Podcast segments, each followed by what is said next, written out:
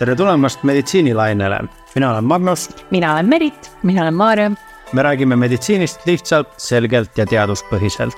kutsume külla arste, kellelt küsime küsimusi, millele me sooviksime vastuseid, kuid tihtipeale ei julge küsida.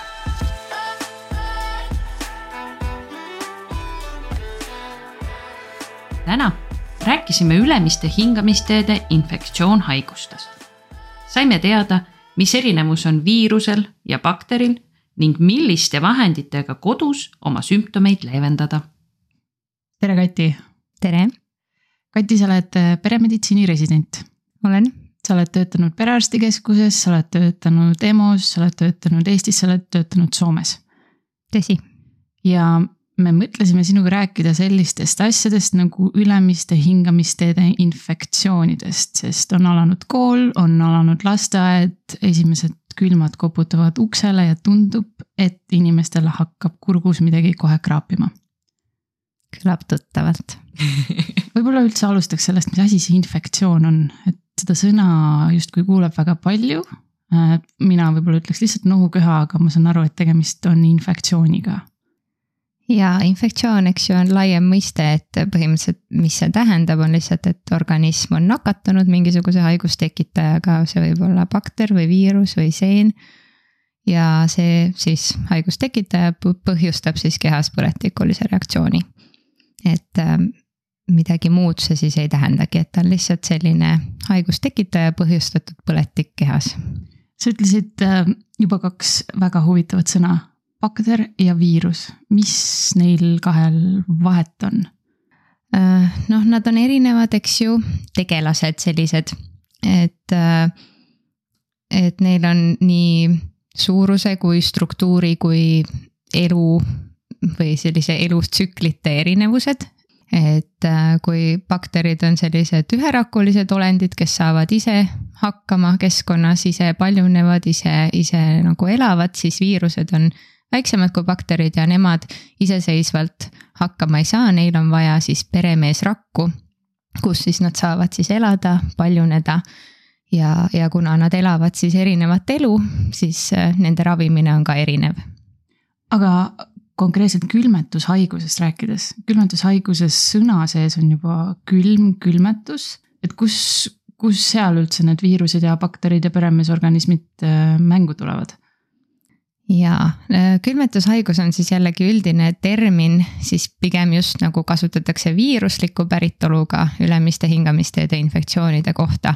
ehk siis põhimõtteliselt, kui meie arstidena räägime külmetushaigusest, siis me räägime viiruslikust ülemiste hingamisteede haigusest. külmetamine nii-öelda ise otse haigeks ei tee, et seal ikkagi peab olema keegi pahalane sul juba sees, kes selle haiguse põhjustab. vot see on super hea küsimus, sest ähm, Instagramist mitu inimest küsisid äh, meilt seda, et äh, kes ei oleks kuulnud lauset, et sa oled nii õhukeselt riides. et äh, vaata, et sa haigeks ei jää, et kas see, kui ma olen lihtsalt õhukeselt riides ja nii-öelda külmetan ennast siis see tegelikult ei muuda mind haigeks, seal peab tulema ka mingi viirus, kes minu sisse elama tuleb ja mind siis haigeks teeb, et iseenesest nii-öelda õhukeste riiete kandmine ainuüksi mind haigeks ei tee. just, õigus, et, et sageli, sageli see haigustekitaja on tegelikult meil juba kehas ja, ja see külmetamine lihtsalt võib olla viimane põnts siis sinu immuunsüsteemile, mis on siiamaani hakkama saanud selle haiguse siis tõrjumisega, et, et ta ei ole siis nagu haigestumist ja sümptomeid põhjustanud. et, et aga, aga see haigustekitaja siis on juba seal sageli. et, et ainult külmaga haigeks ei jää, kui sa oled isoleeritud kõikidest teistest inimestest ja kunagi ühegi tekitajaga kokku ei puutu. müüt purustatud ähm, aga millised need ülemiste hingamisteede ähm, infektsiooni sümptomid üldse on ja kuidas neid äh, ära tunda, et, et kas see ongi seesama, et kuskilt kurgust natuke kriibib, ninas on natuke kahtlane, võib-olla pea natuke valutab või, või kuidas ma hakkan aru saama, et miskit on mu kehas teoksil ja mingisugune koll on minu sisse kolinud? see võib olla just väga erinev, et, et kõik need, mis sa mainisid, võivad olla sümptomid, et et ähm, see on väga individuaalne, see sõltub nii inimesest kui ka haigustekitajast, eks ju, et viirushaigus ei tähenda ka alati ühte sama viirust, seal on äh, väga palju sadu erinevaid, kes võivad sulle sedasama haigust ja samu sümptome põhjustada. et, ähm, et aga jah, klassikaliselt äh, kõige sagedamad on ikkagi kurguvalu, nohu, köha, üldine väsimus, jõuetus mm, palavik võib tekkida, mm, lihasvalud, mm, ka kõhulahtisus võib kaasneda, peavalud, et, et väga lai ampluaa erinevatest äh, sümptomitest siis.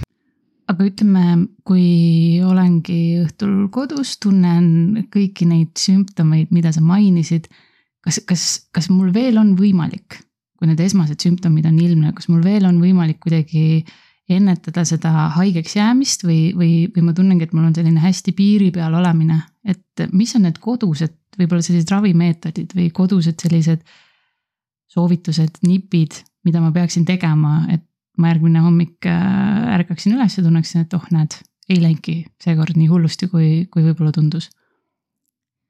see on ka hea küsimus selles mõttes, et äh, natukene piiripealne tunne või et natuke kriibib kurgus või et natuke on väsinud olla, ei pruugi alati tähendada ka viirushaigust, et see võib olla ka mingitest muudest asjadest tingitud, ka kurgu erinevad tundmused, näiteks äkki sa ei ole joonud piisavalt terve päev või oled rääkinud väga palju mhm. või mis iganes, et kui niimoodi teoreetiliselt võtta et kui sul juba ikkagi sümptomid on tekkinud, siis suure tõenäosusega see tekitaja ikkagi sinu sees on ja haigeks sa oled jäänud, aga kuna viirused on väga erinevad ja see oleneb ka siis immuunsüsteemist, et kui kiiresti sa sellest viirusest siis vabaks saad.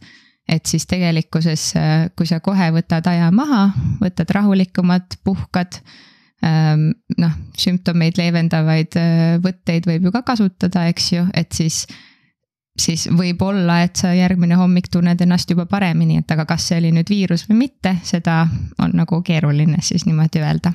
kas nohu on viirus? nohu võib olla viirus ja võib ka olla bakter.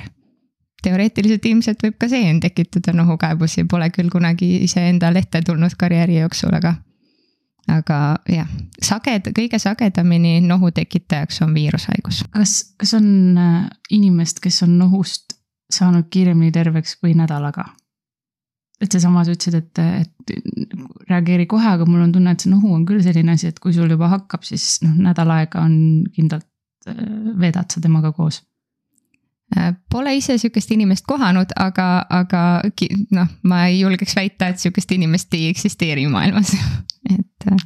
mina olen kuulnud seda, et nohuga on see, et ravi on seitse päeva, kas ravimitega või ilma. täpselt aga et seitse päeva. jah, see on väga-väga erinev ja tegelikult igasuguse mm, infektsiooni puhul ka siis, kui inimene enam ei ole haige, siis tal võivad jääda jääknähud, sest see tekitaja, kas see on siis viirus või bakter, ta ju kahjustab nii-öelda seda piirkonda, kus ta siis meid nakatab ja, ja see võib kaasa tulla siis jääknähtusid, et tegelikult see peale haigestumist äh, mitu nädalat või ka kuid kestev köha on tegelikult täiesti normaalne nähtus ja, ja see võibki olla ja see ei tähenda seda, et sa oled kuidagi teistele nakkusohtlik või et sa oled veel haige. aga mul on nüüd siinkohal see küsimus näiteks, et kui on see viiruslik haigus, eks ole, et see nakkusohtlikkus, kuidas sellega on, kas võib olla nii, et ma olen juba nakkusohtlik enne sümptomeid? või kuidas see? jah, selles mõttes on jällegi äh, igal viirusel on oma käekäik, et kuidas, kuidas ja millal ta on kõige nakkusohtlikum, aga tegelikult nakkusohtlik saab inimene olla siis nii-öelda mm, enne sümptomite kujunemist juba siis, kui ta sellest, sest siis, kui sa kohtud selle viirusega, siis ega kohe sul ju sümptomid ei teki mm. -hmm. et aga, aga sa võid juba siis seda viirust levitada teistele Äh, samamoodi siis samal ajal, kui sul on sümptomid, sa oled nakkusohtlik ja, ja seda peetakse sageli ka kõige nakkusohtlikumaks perioodiks. sest noh, kui sul tuleb igast otsast sekreeti ja sa aevastad, siis, siis see lihtsalt levik on kiirem. ja, ja tegelikult on ka viiruseid, mille puhul võib ka peale sümptomite kadumist veel olla, olla nagu potentsiaalselt nakkusohtlik, et, et aga see on hästi varieeruv, et ja, ja rääkimata siis nendest inimestest, kes on ise nii tublid ja tugevad, et nemad haigeks ei jää, aga -hmm. nad on asümptomaatilised ja kannavad seda haigust siis teistele edasi. et, et raske on öelda, et, et millal ja mitmes päev ma, ma või, või patsient siis on, on nagu nakkusohtlik, et see väga oleneb ja, ja rusikareegel võiks olla ikkagi, et kui sa oled haige, siis sa ole kodus jah, see on jah, selline lapsevanemana eriti, et see on nii keeruline nagu võtta, et et mu lapsel on nüüd täna nohu, on ju, et mitu päeva ta siis nakkusohtlik on või et kaua ma peaks seda kodus hoidma, et. või et noh, et mida edasi ja kuidas on ju laste puhul on üldse teine teema mm, juba selles mõttes ma, ma olen, olen aru saanud ka, et, et ongi selline kerge sõda, sõda ja. siis lapsevanemate ja lasteaedade vahel, et et lasteaiad arusaadaval põhjusel ei soovi haigeid lapsi võtta lasteaeda ja, ja, ja lapsevanemad ei taha siis nagu kuid olla kodus, kodus lapsega, kes natukene tatistab. ja eks see tõde on seal kuskil vahepeal, et ähm, kui, kui laps ikkagi tunneb ennast hästi ja ta üldseisund on hea, siis jah, ja no tõesti, et seda tatti ei lahma niimoodi sealt ninast, et või, või köhatab aeg-ajalt, et siis tegelikkuses vastunäidustatud lasteaedaminek ei ole. sellepärast just sellesama põhjuse pärast, millest me just rääkisime, et, et äh, need lapsed on juba enne sümptomite kujunemist nakkusohtlikud ja seal on neid lapsi nii palju ja kuna lapsed põevadki sellepärast rohkem, et nad ei ole kokku puutunud nende haigustega, siis siis paratamatult vahet ei ole, et kas üks laps on natukene tatisem või, või vähem tatisem, et ja. nad igatahes seal neid viirusi rõõmsalt üksteisele jagavad ja, ja nende baasil oma immuunsüsteemi kujundavad. et siis tuleb lähtuda ikkagi sellest, et milline on see lapse olek, kuidas ta ennast tunneb ja, ja just üldseisundist, et, et kui lapsel on ikkagi hea olla palavikuga, ikkagi ei soovitaks lasteaeda saata et aga kui lapse üldseisund on hea ja ta on juba kosunud äh, kodus piisavalt äh, ja, ja ta ei vaja selles mõttes mingeid nagu ravimite andmisi, eks ju, et mm -hmm. seda võiks võib-olla mitte nagu panna lasteaiakasvatajate või õpetajate siis õlule. et kui ta mingeid ravimeid ei vaja, et siis, siis mina ei näe küll põhjust, miks ta ei võiks minna lasteaeda. sa mainisid sõna palavik. mis asi see palavik üldse on? Või, või millest see siis kehas märku annab. ja mis hetkel on see hetk, kus tuleks nüüd võtta seda palaviku alandajat ja mis hetkeni on see, kus see nii-öelda palavik võib siis kehas olla. ilma, et ma otseselt sellega midagi väga teeks. no palavik sõna otseses mõttes on ikkagi kehatemperatuuri tõus üle normaalse. ja see, eks see nagu need palaviku piirid, et mis hetkest me ütleme, et inimesel on palavik, on tegelikult ka erinevad lähtuvalt siis erinevatest uuringutest või erinevatest koolkondadest. et meie üldiselt siin Eestis ikkagi palavikuks loeme temper-, kehatemperatuuri üle kolmekümne seitsme viie kuni isegi võib-olla kolmekümne kaheksa. sellised enne kolmkümmend seitse viis kehatemperatuurid, see on väga individuaalne, see võib olla vabalt inimesel nii-öelda palavik ja palaviku väljendus, aga tegelikult see võib ka olla ka täiesti normaalne kehatemperatuur, et näiteks rasedatel äh, on kehatemperatuur kõrgem kui tavaliselt ja naistel üldse menstruatsioonitsükli erinevates faasides tegelikult kehatemperatuur kõigub null koma viis kraadi keskmiselt. et äh, see võibki tegelikult olla norm. et sellist äh, mingit mingit head nagu piiri otseselt ei ole, et mis hetkest siis keegi võib öelda, et tal on palavik või ei ole palavikku.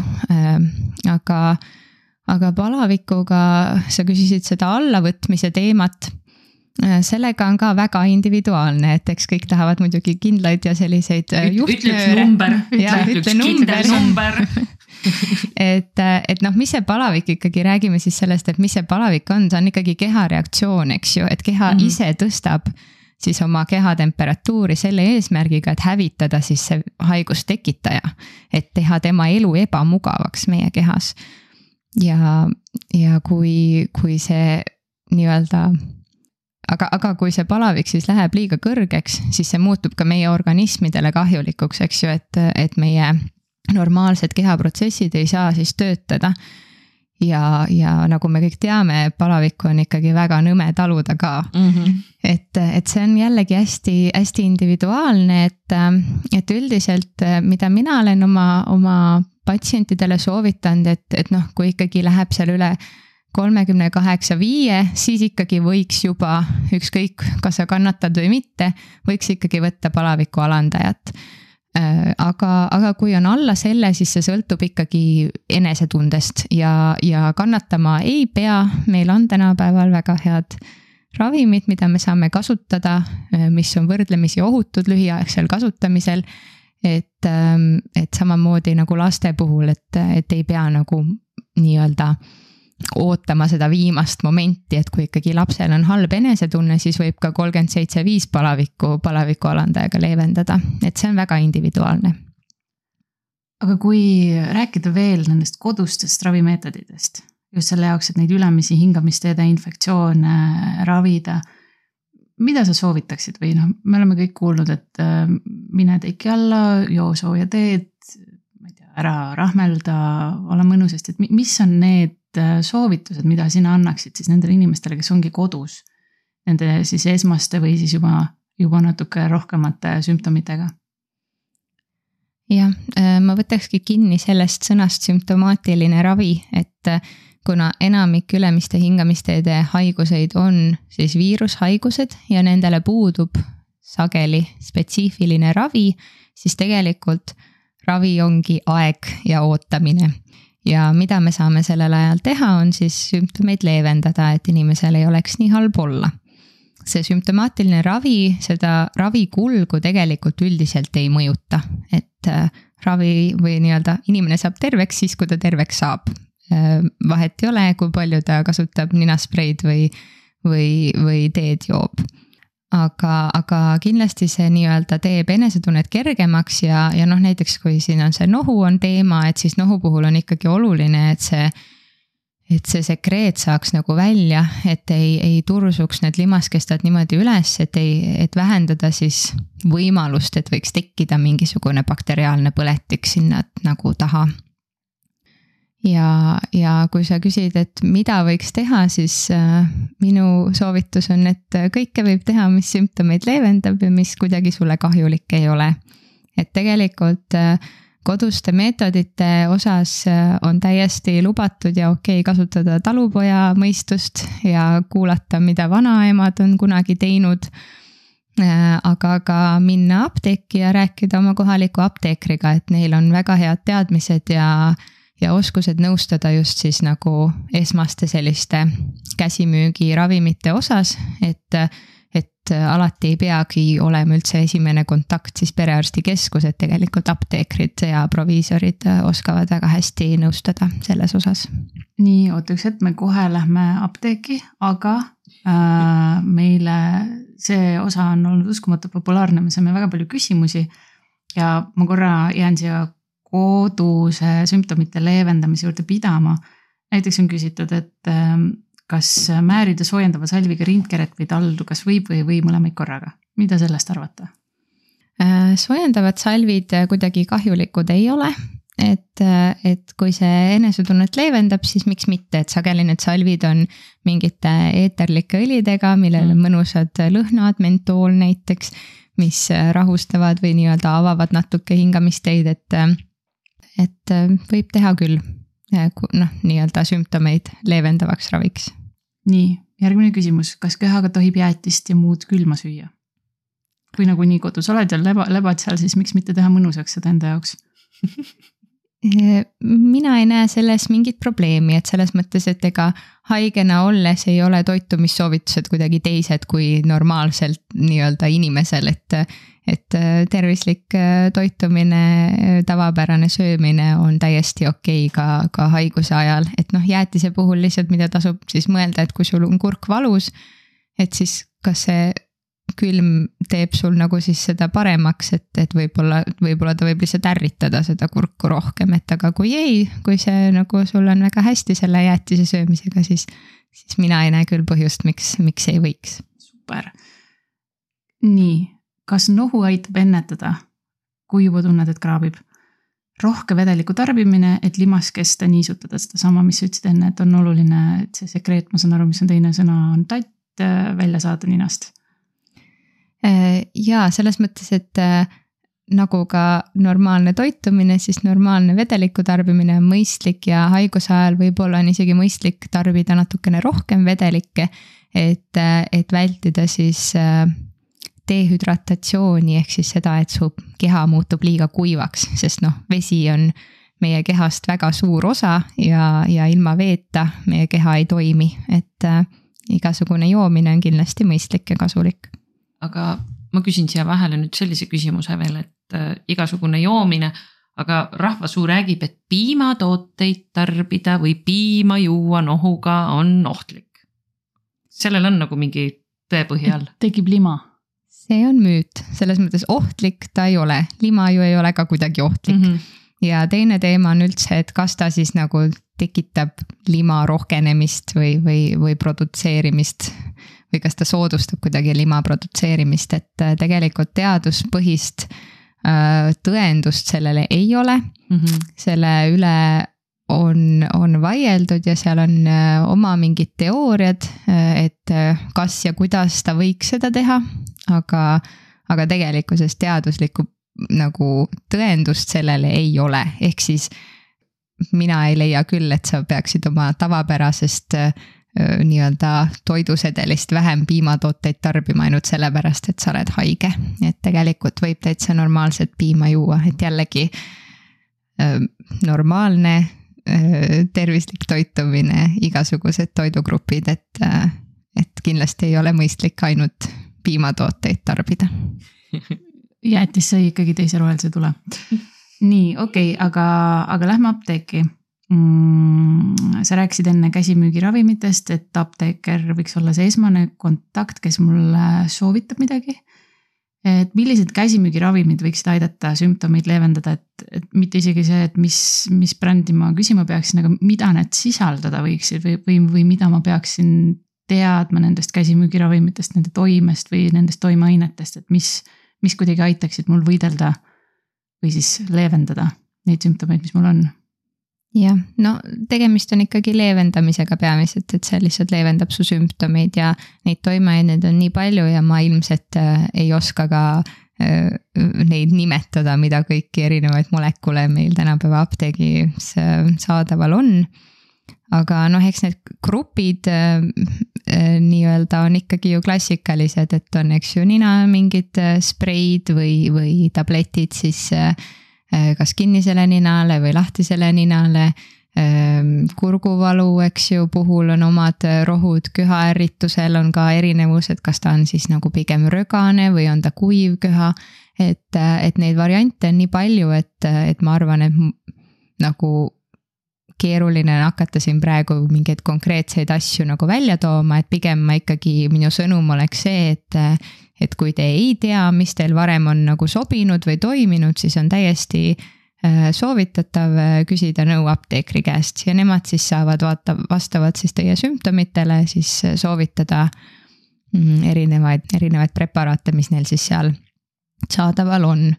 Et noh, üks teema võib-olla, mida ma ikkagi nagu siin mainiksin, on, on siis kuna ninaspreisid on erinevaid, et, et siis on ühed ninaspreid, mis sisaldavad ksülometasoliini, äh, mis on siis selline aine, mis äh, teeb väga ilusti selle nina lahti ja inimesel on kohe nagu väga-väga palju parem olla. Aga ta on äärmiselt nii-öelda sõltuvust tekitav või selles mõttes, et, et see nina limaskest harjub selle ravimiga hästi kiiresti ära ja kui see ravim siis lõpetada, siis tekib nii-öelda vastupidiselt ninakinnisus, mitte mm. siis sellest, et, et sul oleks olnud mm, oleks, oleks veel endiselt seda haigust, vaid, vaid see tekib sellest nii-öelda ära, ära jääma nähud sellest ravimist. ja mina isiklikult ei ole seda väga oma patsientidele soovitanud just selle ideega, et, et mis seal siis vahet on, et kas sa talud siis ninakinnisust äh, seitse päeva siis, kui sa oled haige või siis, või siis kasu, oled seitse päeva haige, nii et sul nina kinni ei ole, aga siis pärast seda on nädal aega nina kinni. et, ähm, et kui kasutada, siis kindlasti ainult lühiajaliselt, tõesti mitte üle nädala. Aga mina isiklikult ei ole seda väga soovitanud kasutada. selle kohta oli meil üks küsimus ka, et, ähm, et et ninasprei on noh, täpselt see väga efektiivne. et nina lahti, aga ta on väga sõltuvust tekitav, et mis, mis hetkel ja kui palju seda kasutada, aga nagu sa ütlesid, et siis mitte rohkem kui nädal aega. just, et mitte rohkem kui nädal aega ja, ja pigem ikkagi eelistada neid soolaspreisid, mis, mis ei siis tekita äh, selliseid, selliseid kõrvaltoimeid, et alati saab küsida apteekri käest, apteeker teab, et teil ei pea jääma see aine nimi endale mm -hmm. siin praegu meelde, aga, aga et apteekri käest küsida, et ega see ei ole selline, mis, millest võib siis äh, tekkida neid ärajääma nähtusid. et ähm, et ja noh, üldse nii-öelda mingite ninaspreide nagu pikaajaline, noh, siin ma räägin juba kuude pikkusest kasutamisest ei ole kunagi mõistlik. Äh, kui just teie arst ei ole niimoodi teile määranud. aga millal üldse peaks arsti poole pöörduma? või et, või mis, mis analüüse ma peaks laskma tegema, kas, kas mingisugust ravi küsima või millal on see hetk, millal oleks nüüd õige pöörduda kodus olen püüdnud leevendada, apteegis olen käinud. jaa, äh, tegelikult äh, vastus on, et, äh, et üldjuhul polegi üldse arsti vaja mm. tavalise külmetushaiguse puhul. et, et nagu, nagu me rääkisime, esimene asi võiks olla oma kodused võtted, oma lähima apteekri käest nõu küsida ja, ja ja muidugi selles mõttes, kui nii-öelda noh, kui me arvestame, et viirushaigus keskmiselt ikkagi kestab selline kuni nädal.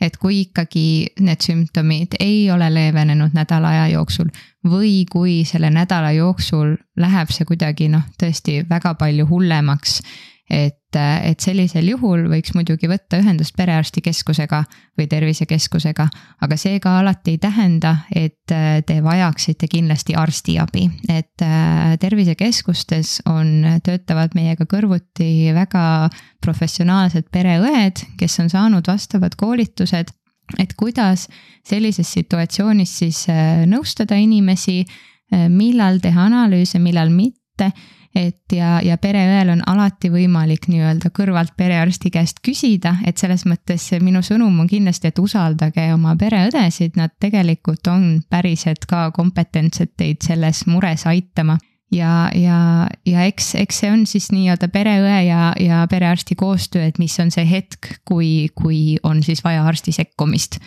et, ähm, et sellist mingit kindlat nagu päeva või, või jällegi aega ei ole, et, et see on väga individuaalne ja sõltub nii-öelda sellest situatsioonist. Äh, kui ma nüüd jõuan ikkagi perearsti juurde, mul on ikkagi väga-väga kehv olla ja, ja selgub, et sellistest kodustest apteegist saadud vahenditest ei piisa. siis mis see järgmine samm on? Jah, et, ähm, et selles mõttes, kui sa küsid äh, antibakteriaalse ravi kohta ehk siis antibiootikumide võtmise kohta, siis -hmm. antibiootikumidega me ravime ikkagi ainult bakteri infektsioone, viiruste puhul antibiootikumidest kasu ei ole. aga tõesti, äh, ka viirushaiguse puhul, kui see on jäänud vinduma, siis seal on võimalus, et on tekkinud nii-öelda teisene bakterpõletik, ehk siis sinna kohta, kus on see viirus alustanud seda ähm, nii-öelda põletikuprotsessi, on lihtsalt liitunud üks mingisugune bakter, kes siis on nüüd nagu tekitanud omakorda seal oma põletikku mm -hmm. ja siis seda põletikku põhimõtteliselt saab ravida antibiootikumiga.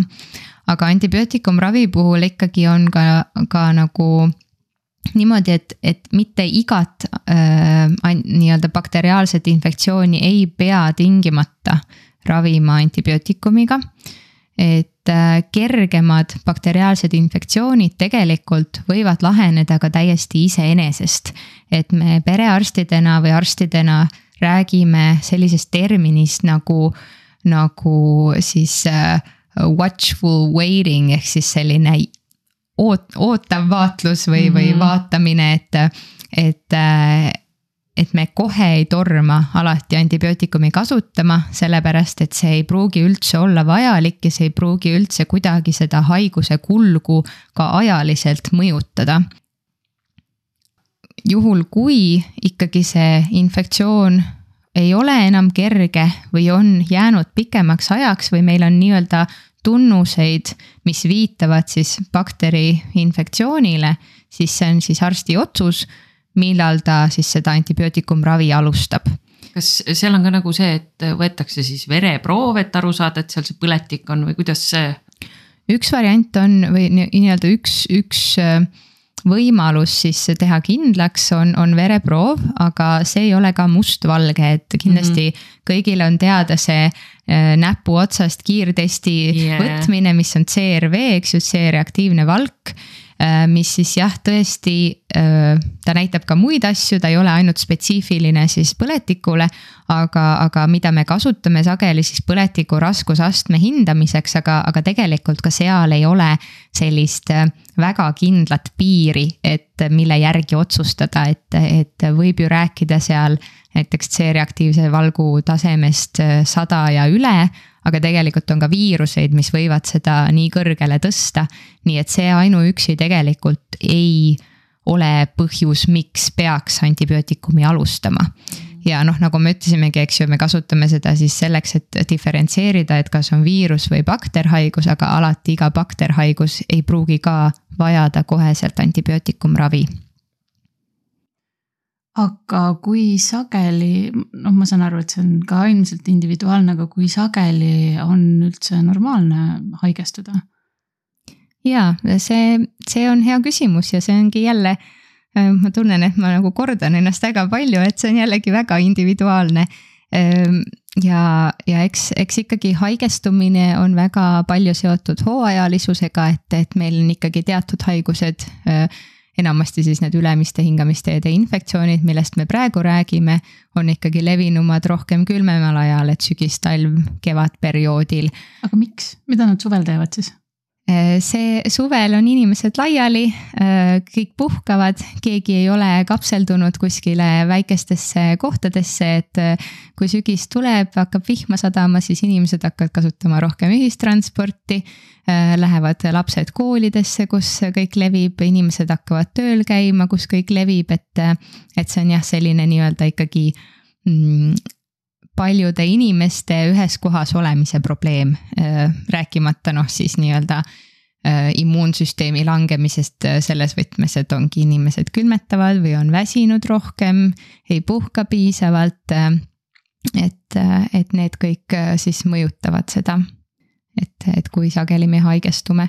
aga, aga mida ma võib-olla mainiksin ikkagi on, on just lapsed, et kellega väga sageli vanemad, kelle pärast sageli vanemad on mures, et, et miks nad nii sageli haigeks jäävad, siis tegelikult see on üsna normaalne nähtus, et äh, lapse immuunsüsteem vajabki nii-öelda arenemiseks aega ja ta arenebki ainult sellel teel, et ta nii-öelda katsetab neid kõiki haigustekitajaid läbi, et mõni mõni laps on loomupäraselt selline, et, et ta jääb haigeks seda tehes vähem ja mõni laps jääb haigeks seda tehes rohkem.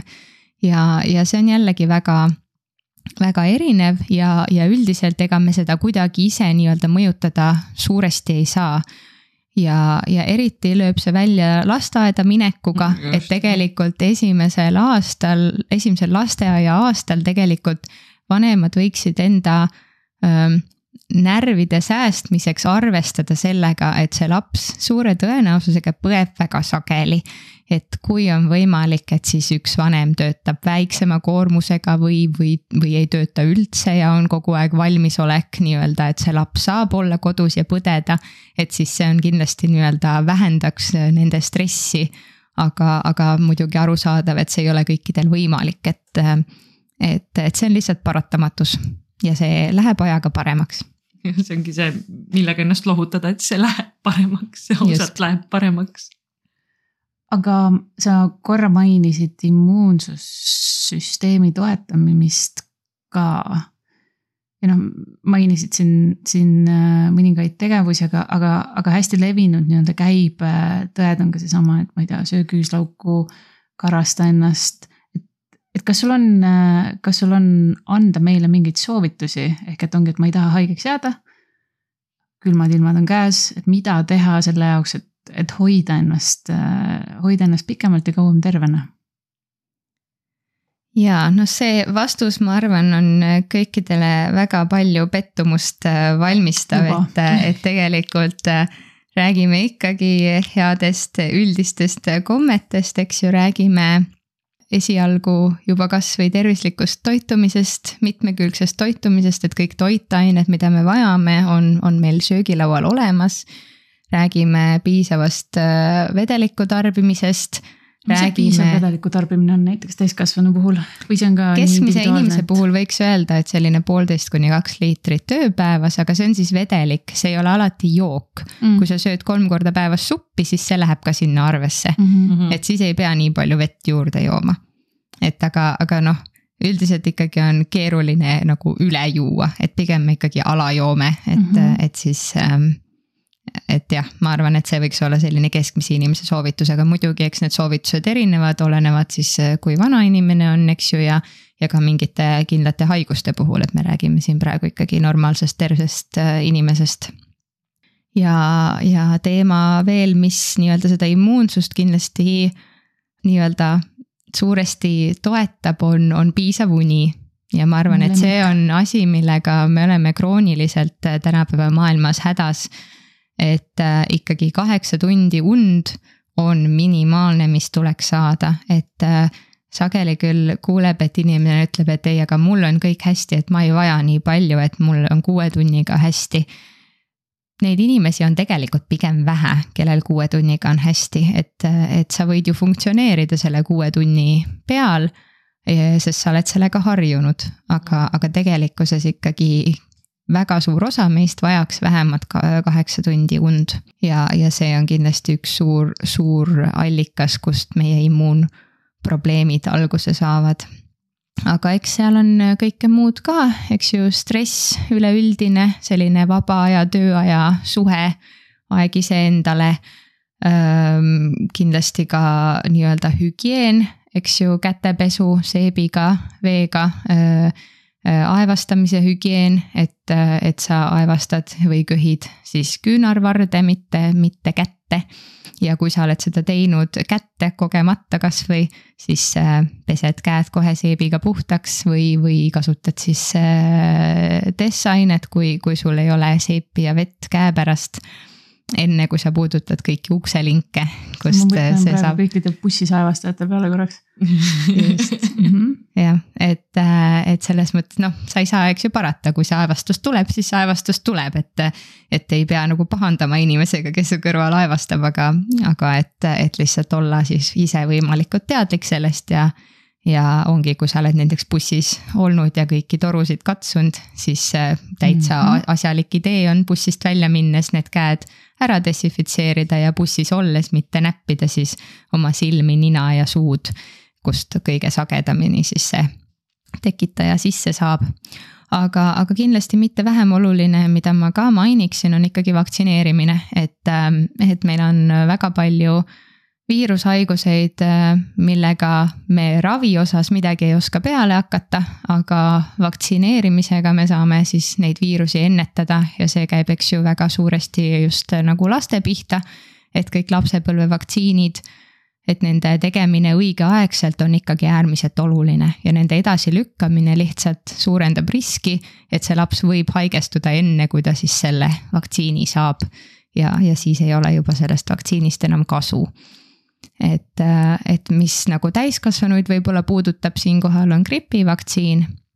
et see on siis nii-öelda gripp ei võrdu ülemiste hingamisteede külmetushaigus. Äh, et äh, just nimelt külmetushaigus, eks ju, et seal all me mõtleme ikkagi kergeid viiruseinfektsioone, et gripp on ikkagi raske, potentsiaalselt raske haigus ja, ja selle vastu saab, saab siis vaktsineerida ja seda siis vaktsiini tuleb iga aasta siis äh, korrata, kuna neid tüvesid on lihtsalt nii palju, et neid ei ole mõtet kõiki ühte, ühte vaktsiini nii-öelda toppida, et siis, et siis seda, seda uuendatakse iga aasta. nii et ähm, soojad sokid jalga mm,, kaheksa tundi und, sooja suppi ja kui aevastad, siis äh, küünarnukki. jah. väga hea